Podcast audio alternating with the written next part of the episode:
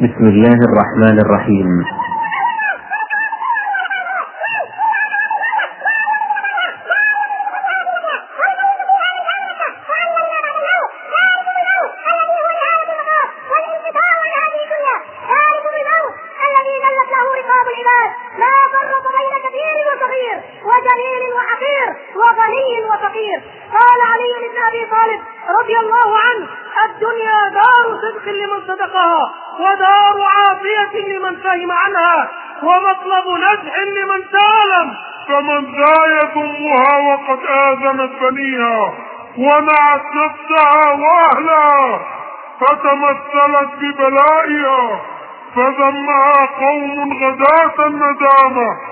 وحمدها آخرون.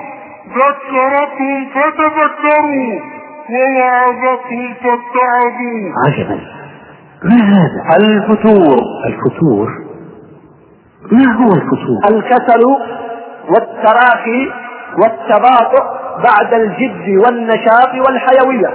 وما هي أعراضه؟ التكاسل عن العبادات والطاعات. الشعور بقسوة القلب وخشونة. كثرة الكلام دون عمل يفيد الأمة وينفع الأجيال. الوقوع في المعاصي والذنوب عدم الاستقرار على عمل معين. عدم استشعار المسؤولية ضياع الوقت وعدم الإفادة منه. انفصام عرى الأخوة بين المتحابين. الغلو والاهتمام بالنفس. الاهتمام بالدنيا. النقد لكل عمل إيجابي. انفصاء الغيرة وضعف جذوة الإيمان. التسويف والتأجيل وكثرة الأمان وأحلام اليقظة. عدم الاستعداد للالتزام بشيء.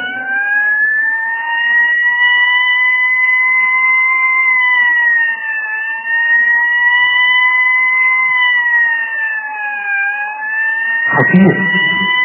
خطير. إنه حقا خطير.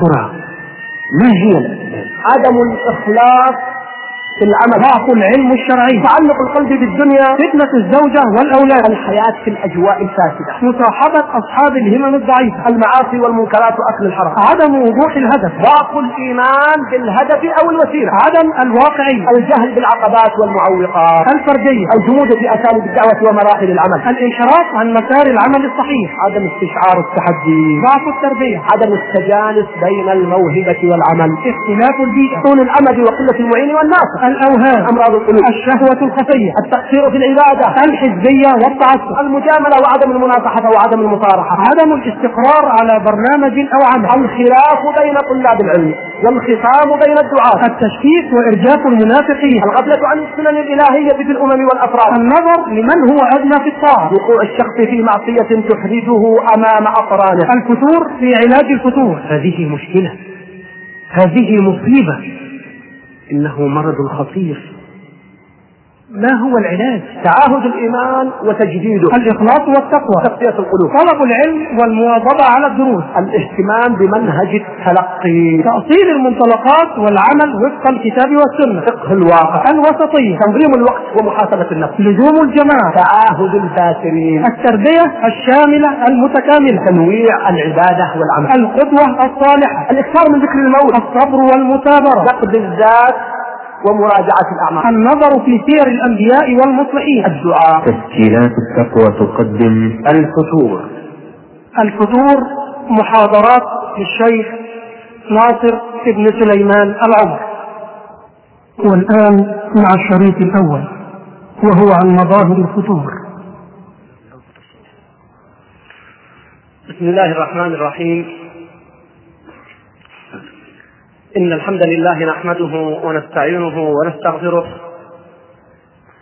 ونعوذ بالله من شرور أنفسنا وسيئات أعمالنا. من يهده الله فلا مضل له ومن يضلل فلا هادي له. وأشهد أن لا إله إلا الله وحده لا شريك له وأشهد أن محمدا عبده ورسوله.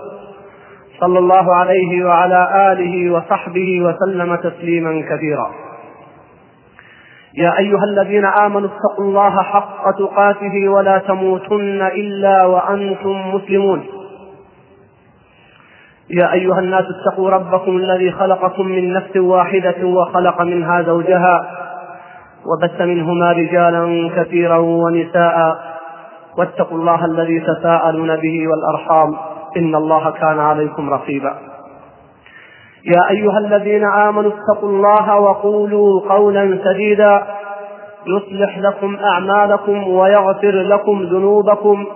ومن يطع الله ورسوله فقد فاز فوزا عظيما. أما بعد أيها الأخوة المؤمنون فسلام الله عليكم ورحمته وبركاته. بادئ ذي بدء أشكر الله جل وعلا الذي يسر وسهل وأعان لهذا اللقاء وأسأله التوفيق والتمام. ثم أشكر مكتب الدعوة في شرق الرياض في منطقة النسيم وما حولها الذين نظموا هذا اللقاء وأخص بالشكر القائمين على هذا المسجد. فهم لهم السبق جزاهم الله خيرا باستضافة هذه الحلقة التعليمية التربوية فلهم مني جزيل الشكر والدعاء. ولكم أيها الأحبة حيث جئتم لسماع هذه الكلمات التي أسأل الله جل وعلا أن تكون خالصة موفقة نافعة بإذن الله. وإن كان لي من عكس فهو على أخي الشيخ محمد في تقديمه حفظه الله فلست أهلا لهذه المقدمة التي قالها. ولا أقول هذا أيها الأخوة والله تواضعا ولكنها الحقيقة. ولكنني ألتمس منه وأدعوه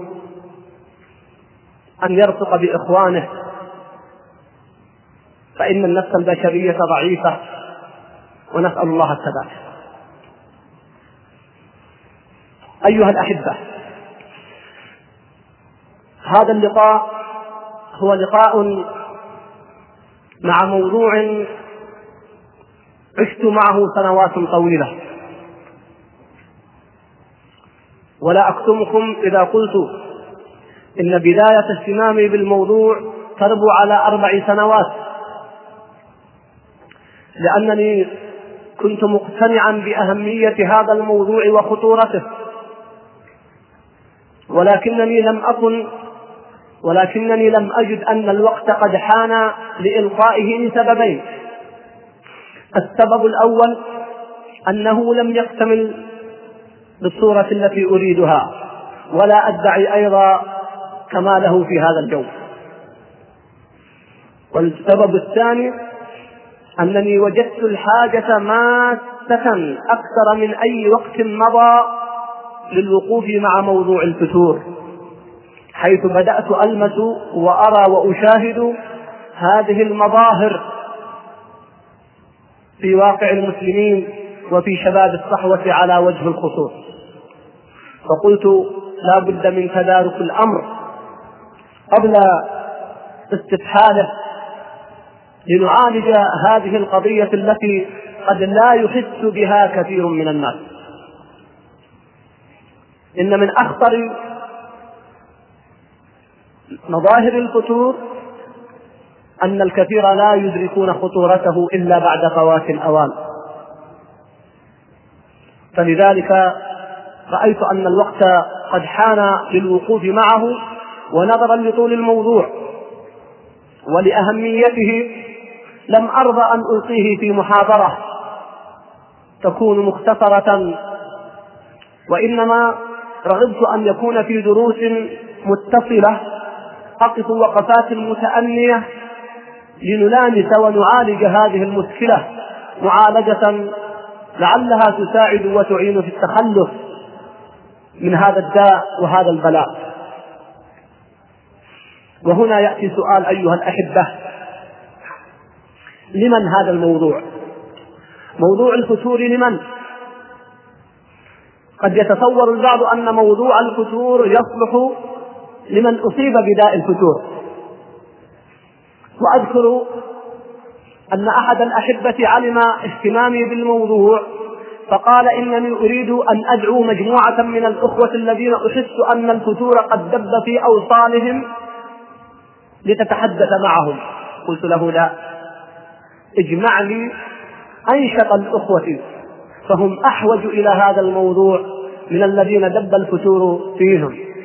لأن الذي قد دب الفتور فيه أو بعبارة أصح قد تأصل فيه أمره وشأنه أقل خطرا في رأيي من الذي لم ينتبه إلى خطورة الفتور فيقع فيه.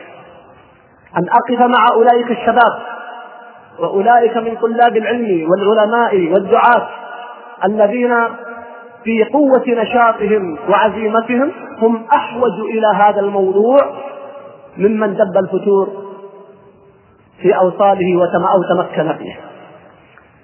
فلذلك أقول إن هذا الموضوع هو لطلاب العلم وللدعاة وللمربين وللشباب الذين يفتقدون حماسة وأخيرا هو للفاترين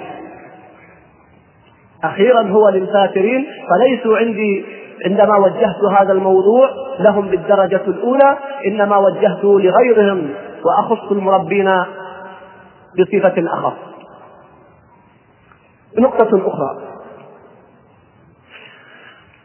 أن درس اليوم أيها الأخوة عن تعريف الفتور ومظاهره.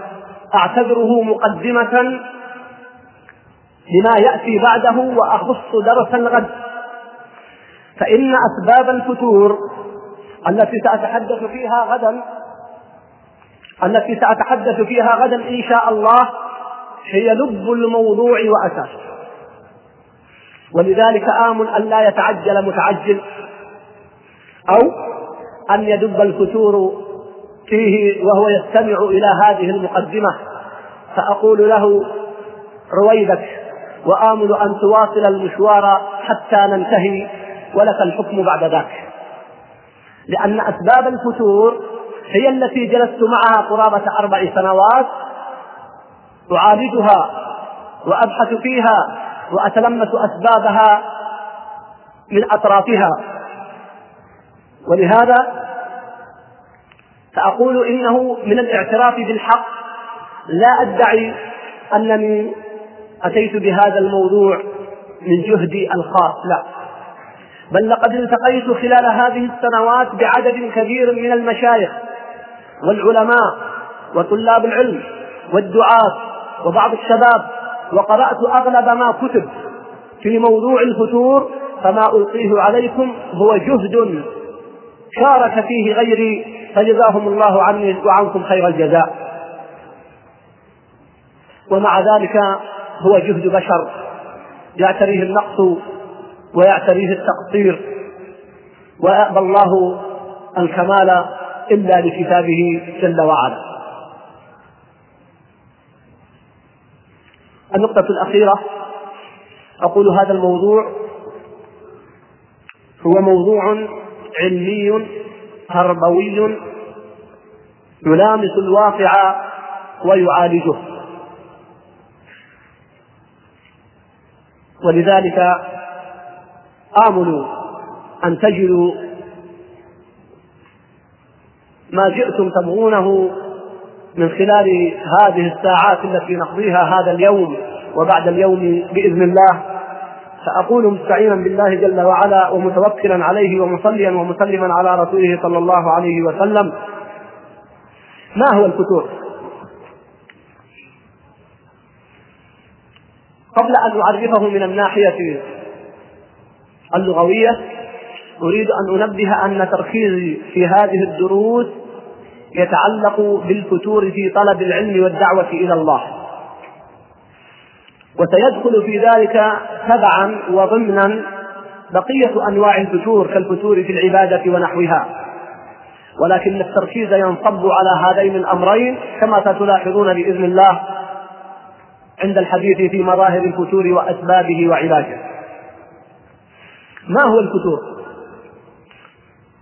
عرف علماء اللغة الفتور بعدة تعريفات متقاربة يكمل بعضها بعضا ويوضح بعضها بعضا. قال في مختار الصحاح الفترة الانكسار والضعف وطرف سافر إذا لم يكن حديدا أي قويا. وقال ابن الأثير والمفتر الذي إذا شرب أي الذي إذا شرب أحمى الجسد وصار فيه فتور وهو ضعف وانكسار. ولذلك يسمى الخمر من المفترات وبعض الحبوب وبعض المسكرات التي يستخدمها بعض الناس تسمى من المفترات لأنها تحدث بالجسم ضعفا وخورا وفتورا. يقال أكثر الرجل فهو مفطر إذا ضعفت جفونه وانكسر طرفه. وقال الراغب الفتور تعريف جميل للراغب رحمه الله الراغب الأصبهاني في مفردات القرآن. قال الفتور سكن بعد حدة ولين بعد شدة وضعف بعد قوة. قال تعالى يا أهل الكتاب قد جاءكم رسولنا يبين لكم على فترة من الرسل أي سكون حال عن مجيء رسول الله صلى الله عليه وسلم. وقوله لا يفترون أي لا يسكنون عن نشاطهم في العبادة. وقال ابن منظور وفتر الشيء والحر وفلان يفتر فتورا وفتارا سكن بعد حدة ولان بعد شدة. ونخلص من هذا إلى أن الفتور هو الكسل والتراخي والتباطؤ بعد الجد والنشاط والحيوية. نخلص بعد هذا من هذه التعريفات إلى أن الفتور هو الكسل والتراخي والتباطؤ بعد الجد والنشاط والحيوية. قال ابن حجر رحمه الله ورحم من سبقه الملال استثقال الشيء ونفور الناس عنه بعد محبته. وهو داء يصيب بعض العباد والدعاة وطلاب العلم. فيضعف المرء ويتراخى ويقتل وقد والمصابون بهذا الداء ثلاثة أقسام. المصابون بداء الفتور ثلاثة أقسام. القسم الأول قسم يؤدي بهم الفتور إلى الانقطاع كلية وهم كثير. قسم يؤدي بهم الفتور إلى الانقطاع.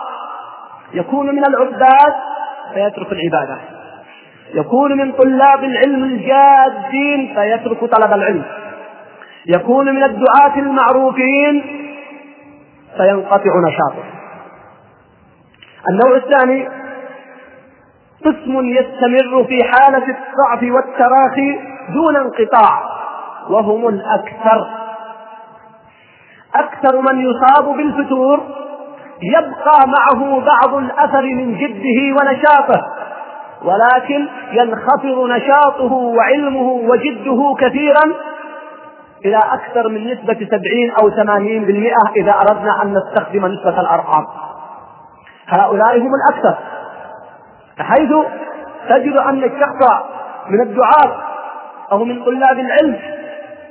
فبدل أن كان عنده مثلا خمسة دروس في الأسبوع إذا هو يقتصر على درس واحد. بدل أن كان يعمل في اليوم قرابة عشر ساعات إذا هو يعمل ساعة أو أقل. وهلم جرا بدل أن كان ينفق في سبيل الله كثيرا إذا هو لا ينفق إلا القليل. هذا هو النوع الثاني. النوع الثالث قسم يعود إلى حالته الأولى أو بعبارة أصح إلى قرب حالته الأولى. لأنه قليل أو نادر أن يعود إلى حالته الأولى.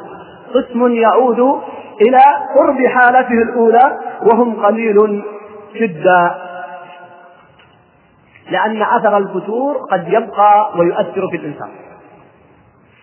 أدلة الفتور من الكتاب والسنة.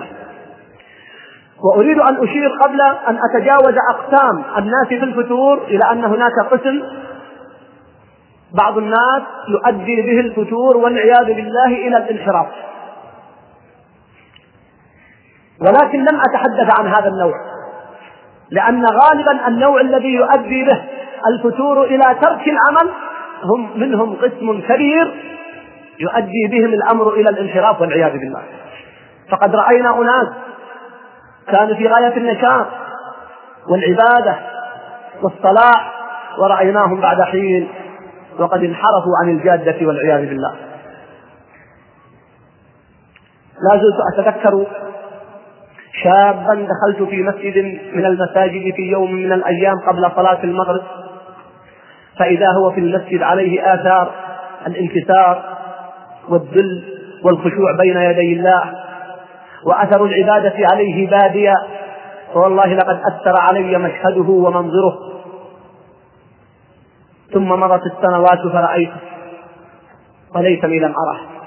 رأيته شابا قد وقع فيما يغضب الله جل وعلا وانحرف. نسأل الله الثبات والعافية. أنا لا أتحدث هنا عن الانحراف ولكنني أنبه إلى أن الفتور من أعظم أبواب الانحراف. إن الفتور مرحلة وسطية بين العبادة والدعوة والعلم والانحراف. قل أن تجد إنسان كان عابدا وداعية ومعلما أو متعلما وينحرف مباشرة أقول موجود ولكنه قليل جدا. إنما يحدث أن يكثر أولا أن يضعف أولا ويعيش سنوات في ضعف ثم الإنسان لا يستقر على حالة واحدة. إن لم يتداركه الله برحمته ويعود يستمر في الانحدار حتى يقع في الانحراف والعياذ بالله. أدلة الفتور من الكتاب والسنة. ورد لفظ الكتاب ومعناه في عدة آيات وأحاديث من الكتاب والسنة وسأذكر بعض هذه النصوص لإلقاء مزيد من الضوء حول معنى الفتور. وسيكون ذكري لها باختصار دون تعليق طويل. وإن كنت سأفصل فيها بإذن الله عند ذكر الأسباب. قال الله تعالى مثنيا على الملائكة يسبحون الليل والنهار لا يفترون. أي لا يضعفون ولا يسأمون. وجاء في آية مشابهة يسبحون له بالليل والنهار وهم لا يسأمون. والسأم هو الفتور. وقال سبحانه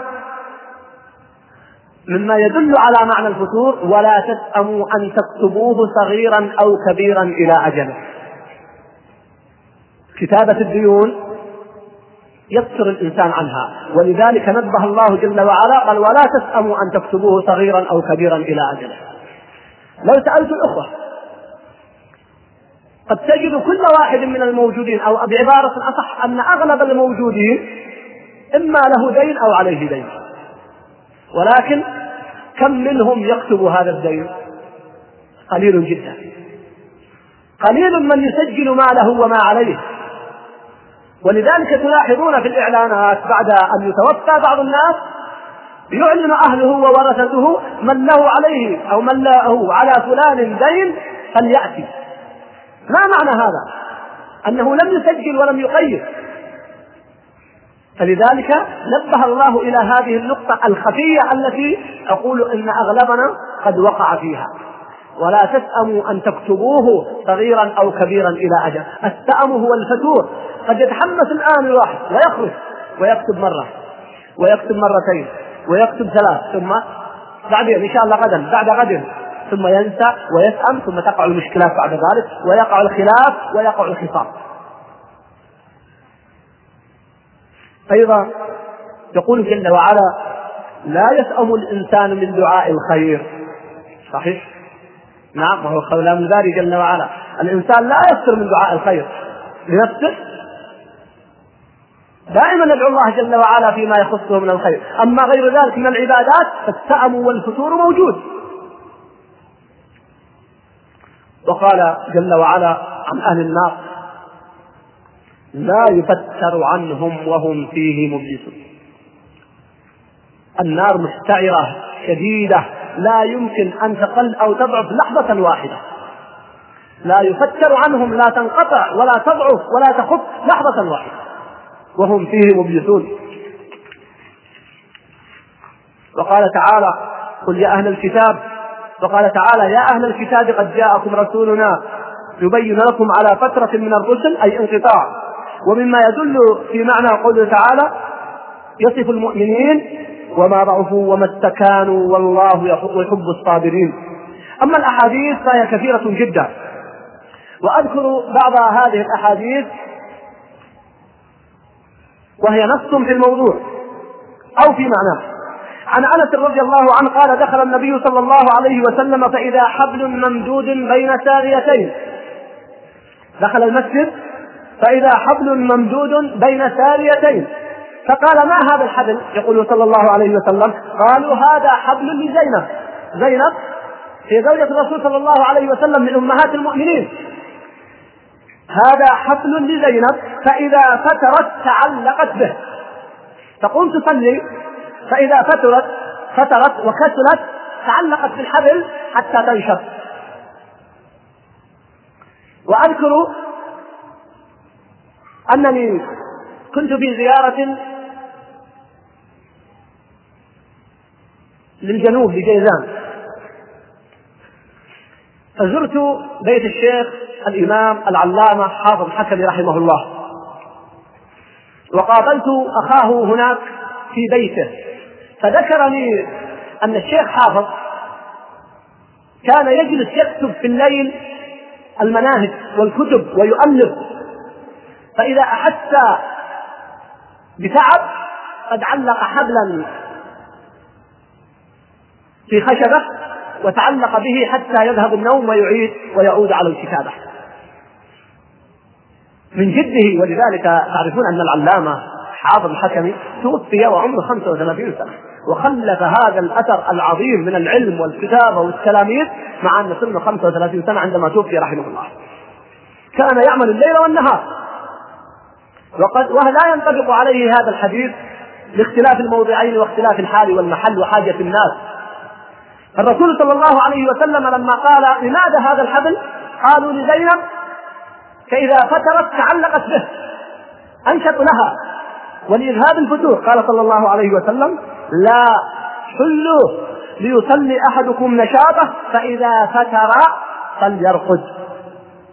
ليصلي أحدكم نشاطه فإذا فتر وتعب وكسل فلينام. وهذه من رحمة الله جل وعلا.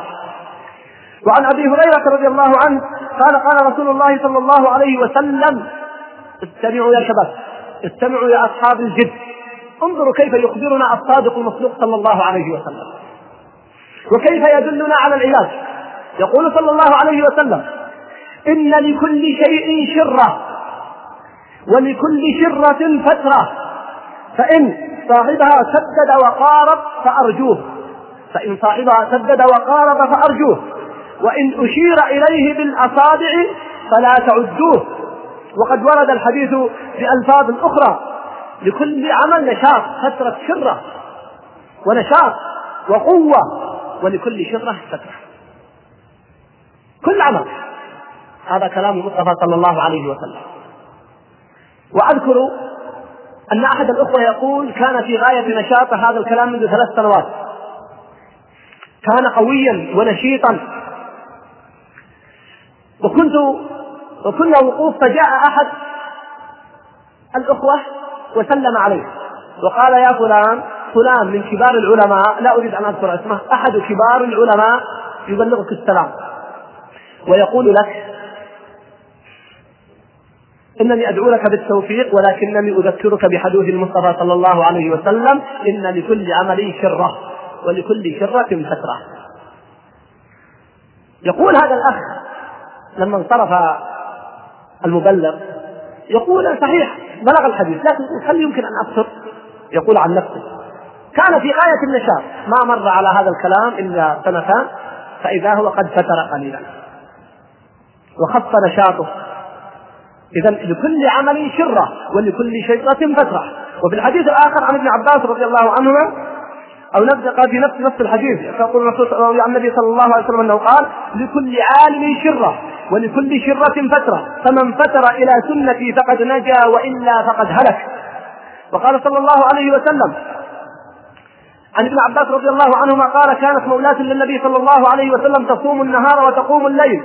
فقيل له إنها تصوم النهار وتقوم الليل. فقال رسول الله صلى الله عليه وسلم إن لكل عمل شرة والشرة إلى فترة. فمن كانت فترته إلى سنتي فقد اهتدى ومن كانت فترته إلى غير ذلك فقد ضل وفي رواية فقد هلك. وعن عبد الله بن عمرو قال ذكر عند النبي صلى الله عليه وسلم قوم يجتهدون في العبادة اجتهادا شديدا. فقال تلك ضرورة الإسلام وشرته. ولكل عمل شرة. فمن كانت فترته إلى اقتصاد فنعماه ومن كانت فترته إلى المعاصي فأولئك هم الهالكون. وعن عائشة رضي الله عنها أن النبي صلى الله عليه وسلم دخل عليها وعندها امرأة فقال من هذا؟ قالت هذه فلانة تذكر من صلاتها. فقال مه. عائشة رضي الله عنها أثنت عليها ثناء كثيرا. أنها تصلي وتقوم الليل. فقال الرسول صلى الله عليه وسلم مه. أي اسكتي. كفي عن هذا المدح. مه. عليكم بما تطيقون فوالله لا يمل الله حتى تملوا وكان أحب الدين إليه ما داوم عليه صاحبه. وأختم بهذا الحديث عن عبد الله بن عمرو بن العاص رضي الله عنه. قال رسول الله صلى الله عليه وسلم يا عبد الله يا عبد الله لا تكن مثل فلان يا عبد الله لا تكن مثل فلان كان يقوم الليل فتركه. إذا أيها الأخوة هذه أحاديث. ونخلص من هذه الأحاديث إلى أن كل إنسان يصاب بالفترة. لكن وبالفتور. هناك من يصاب بالفتور قليلا ثم يعود كما كان أو أحسن. وهناك من يصاب بالفتور وهو الهلاك وهو الذي نقصده في هذا الحديث. ليس حديثي عن الذي يصاب بالفتور قليلا ثم ينشط. هذا ليس هو مجال حديثنا. ولا يخلو منه أحد. ولا يسلم منه أحد. كما بين الرسول صلى الله عليه وسلم. لكنني أتحدث عن النوع الآخر من الفتور أولئك الذين يفترون عن العمل ويضعفون ثم يهلكون والعياذ بالله. انظروا بعض الآثار عن السلف. قال ابن مسعود لما بكى في مرض موته رضي الله عنه إنما قيل له ما يبكيك قال إنما أبكي لأنه أصابني في حال فترة ولم يصبني في حال اجتهاد. لما أصاب مرض الموت بكى. قال لأنه أصابني المرض وكنت في حال فترة ضعف. ويا ليت المرض أصابني وأنا في حال اجتهاد. وفرق بين من يصاب بفتور أو بمرض عفوا بمرض وهو في حال نشاط واجتهاد وبين من يصاب بمرض وهو في حال فتور. لأن المريض والمسافر يكتب له ما كان يعمل في حال صحته. فبكى رضي الله عنه. وعنه رضي الله عنه قال لا تغالبوا هذا الليل فإنكم لن تطيقوه. فإذا نعس أحدكم فلينصرف إلى فراشه فإنه أسلم له. وقال الإمام النووي شارحا لحديث عائشة رضي الله عنها فيه الحث الذي هو حديث عائشة عندما قال لها الرسول صلى الله عليه وسلم ما؟ فيه الحث على الاقتصاد في العبادة والنهي عن التعمق والأمر بالإقبال عليه بنشاط وأنه إذا فتر فليقعد حتى يذهب الفتور. قال ابن القيم خذوا هذه الكلمات من الإمام ابن القيم رحمه الله. تخلل الفترات للسالكين أمر لا بد منه. السالكين العباد طلاب العلم. تخلل الفترات للسالكين أمر لا بد منه. فمن كانت مقارب فمن كانت فترته إلى مقاربة وتسديد ولم تخرجه من فرض ولم تدخله في محرم رجي له أن يعود خيرا مما كان. ابن القيم وضع لنا حد. قال إذا أصيب أحدكم بفتور لا بد أن يصاب بفتور. المهم ألا توصله حد وضعه ابن القيم رحمه الله. وهو من معنى الأحاديث السابقة. لا توقعك في محرم ولا تجعلك تتخلى عن فرض. ولذلك ورد عن علي رضي الله عنه أنه قال إن النفس لها إقبال وإدبار. لاحظوا كلام جميل من الإمام علي رضي الله عنه. النفس لها إقبال وإدبار. فإذا أقبلت فخذها بالعزيمة والعبادة. وإذا أدبرت فاقصرها على الفرائض والواجبات. أو كما قال رضي الله عنه. لاحظتم هذه القاعدة؟ وهي مهمة ستأتي إن شاء الله في أسباب الفتور لكنني أؤكدها هنا. بعض الناس تكون نفسه منصرفة. فيه ثقل. فيجبر نفسه على ماذا؟ على النوافل. ما الذي يحدث؟ يبدأ يحس بثقل شديد في النوافل حتى بعد فترة طويلة. لا.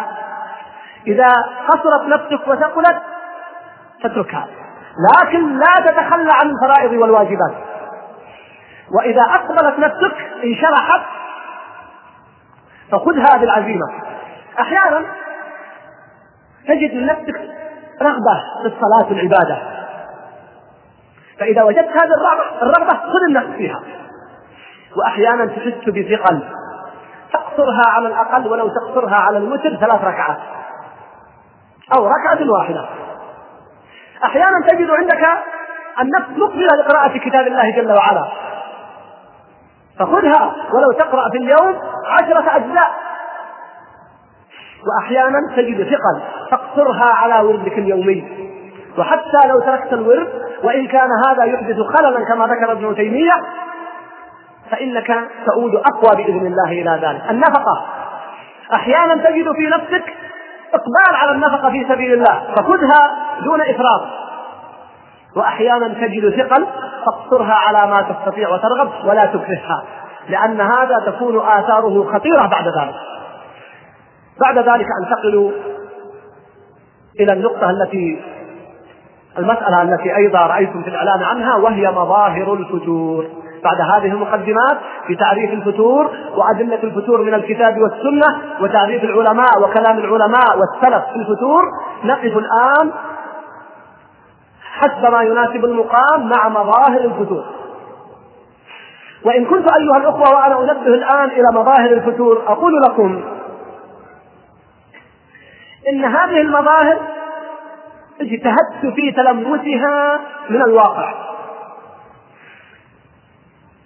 وفي بعض ما ذكره من طلاب العلم ولكن قد يكون الذي يصاب بالفتور أدرى الناس بالفتور الذي يصاب به لماذا؟ طالب العلم الداعية يدرك الفتور من أول ما يقع فيه بينما الذي يراقب الحالة كالمربي والمعلم والشيخ قد يجلس فترة طويلة حتى يكتشف الفتور فأقول يا أخي الكريم من هذا الكلام أنت أدرى الناس بمظاهر الفتور ومع ذلك سأجتهد أن أبين هذه المظاهر لسببين. للإنسان نفسه. إن كنت وقعت في هذا الداء الذي سأشير إلى بعضه فانتبه لنفسك. وثانيا هي للدعاة وللمربين. انتبه يا أخي الكريم أيها الداعية. يا طالب العلم أيها المربي انتبه لمن حولك من طلابك وتلاميذك. أيها الأب انتبه لأولادك. إن وجدت شيئا من هذا الداء فإنه قد برأ المرض يدب في أوصاله فتداركه قبل فوات الأوان.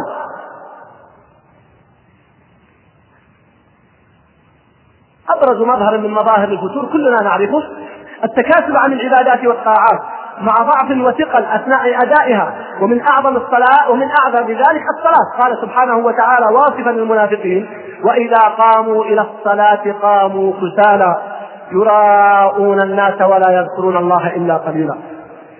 وقال جل وعلا ولا يأتون الصلاة إلا وهم كسالى ولا ينفقون إلا وهم كارهون.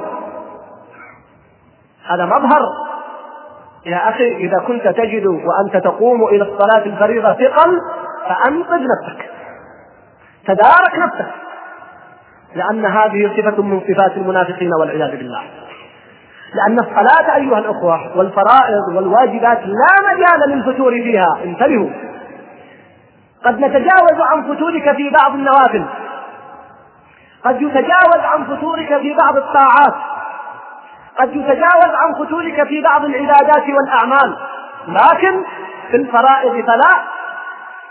إن وجدت أنه إذا أذن قلت باقي ثلث ساعة. ثم قلت ألحق تكبيرة الإحرام. وإذا ذهبت فإذاك تقول متى يأتي الإمام؟ وإذا تأخر دقيقة فنجد الدقة المتناهية عندك. تدرك كم تأخر الإمام دقيقة أو دقيقتين وأنت تضيع الساعات الساعة والساعتين. وإذا أطال الإمام الصلاة من متوسط الصلاة سبع دقائق. مثلا نقول صلاة العصر أو الظهر. فتجد البعض اليوم يقول والله الإمام طول. كم طول؟ أصبحت تسع دقائق. لكنه لو يسمح له ويقال له أنت لك غدا موعد مع وزير من الوزراء أو مسؤول من كبار المسؤولين لك ربع ساعة؟ قال ما تكفي. فإذا دخل وجلس نص ساعة قال والله كنا دقيقة هالنص ساعة؟ كأنها دقيقة. سبحان الله مع الله جل وعلا الصلاة صلة بين العبد وربه. تحصي الفرق الدقيق أن الإمام زاد نصف دقيقة ولا دقيقة ولا دقيقتين. وما شاء الله تجد الحفظ الدقيق للأحاديث التي فيها الأمر بتخفيف الصلاة. حافظ هذه الأحاديث يمكن بأسانيدها. لكن اساله عن الأحاديث التي فيها إطالة الصلاة لا يعرف منها شيء. ففيه ثقل في العبادة. أقول انقذ نفسك التثاقل عن الصلاة صفة من صفات المنافقين ومظهر من أبرز مظاهر الفتور. ويدخل في هذا تبعا الضعف عن قيام الليل وصلاة الوتر وأداء السنن الرواتب وبخاصة إذا فاتته فقل أن يقضيها. ومن ذلك الغفلة عن قراءة القرآن وعن الذكر. ومثل ذلك الشيطان هو شيطان على كل حال لا شك وخبير إذا جئت تنام أردت الوتر قال لا الوتر آخر الليل أفضل لك. والله صحيح حصل ثم إذا نمت وأردت أن تقوم قبل الفجر قال لا نبكر إذا أذن الفجر قال ما يمديك ويكرر هذا الأمر مرارا ولا نتوب ولا نتعود. والعلاج قد تسألني ما العلاج يا أخي؟ أقول لك العلاج كما أوصى الرسول صلى الله عليه وسلم أبا هريرة. أوصاني خليلي بثلاث صلى الله عليه وسلم. منها وأن أوتر قبل أن أنام. نعم. وإذا هيأ الله لك أن تقوم آخر الليل ما في مانع. تقوم سواء أوترت وهناك العلماء ذكروا كيف يوتر الإنسان ولو أوتر آخر الليل. أما يتخذ الشيطان هذه الوسيلة. قبل أن تنام يقول لا آخر الليل أفضل لك. وعارف إنك قال وإلا حقيقة لا يعرف أنك ستقوم قال لا أفضل لو توتر أول الليل. أخشى ما تقوم خبير في هذه الأمور. ولذلك مما ذكر ابن الجوزي أن زكريا عليه السلام لم يقم في ليلة من الليالي لقيام الليل. فجاءه الشيطان وقال له أتعلم لماذا لم تقم الليل؟ قال لا. قال لأنك أكثرت طعاما كثيرا أكلت طعاما كثيرا فأكثرت. قال والله لا أكلت طعاما بعدها قبل أن أنام. قال الشيطان وأنا والله لا أنصح أحدا بعدك بعد اليوم. والله مشكلة هذا ما دام ثقل الطعام سيسبب أنه ما يقوم وهذا فعلا سبب صحيح. قال ما راح اكل الطعام ابدا. وفعلا جرب نفسك. لا تأكل يوم من الأيام أو كل المغرب كما كان آباؤنا يفعلون. ما شاء الله. ما في اخف من قيام الليل. وما في اسهل من قيام صلاة الفجر. لكن الواحد إذا جاء وأكل مما لذ وقال كيف يقوم؟ فاقول هذا مظهر من مظاهر الفتور من مظاهر الفتور الشعور بقسوة القلب وخشونته فلم يعد يتأثر بالقرآن والمواعظ. ورانت عليه الذنوب والمعاصي قال سبحانه كلا بران على قلوبهم ما كانوا يكسبون. ويكاد يصدق عليه وصف, وصف الله لقلوب اليهود. ثم قست قلوبكم من بعد ذلك فهي كالحجارة أو أشد قسوة. ويصل من, من قسوة قلبه ألا يتأثر بموت ولا ميت ويرى الأموات ويمشي في المقابر وكأن شيئا لم يكن وكفى بالموت واعظا وأعظم من ذلك وأعظم من ذلك عدم تأثره بآيات الله جل وعلا وهي تتلى عليه ويسمع آيات الوعد والوعيد فلا خشوع ولا إثبات والله جل وعلا يقول وذكر بالقرآن فذكر بالقرآن من يخاف وعيد ويقول جل وعلا إنما المؤمنون الذين إذا ذكر الله وجلت قلوبهم وإذا تليت عليهم آياته زادتهم إيمانا. وصلت الحال الآن من مظاهر الفتور؟ في المقابر بعض الناس يأتون تبع جنازة ويبيعون يشرون في المقبرة. من فضلك اقلب الشريط.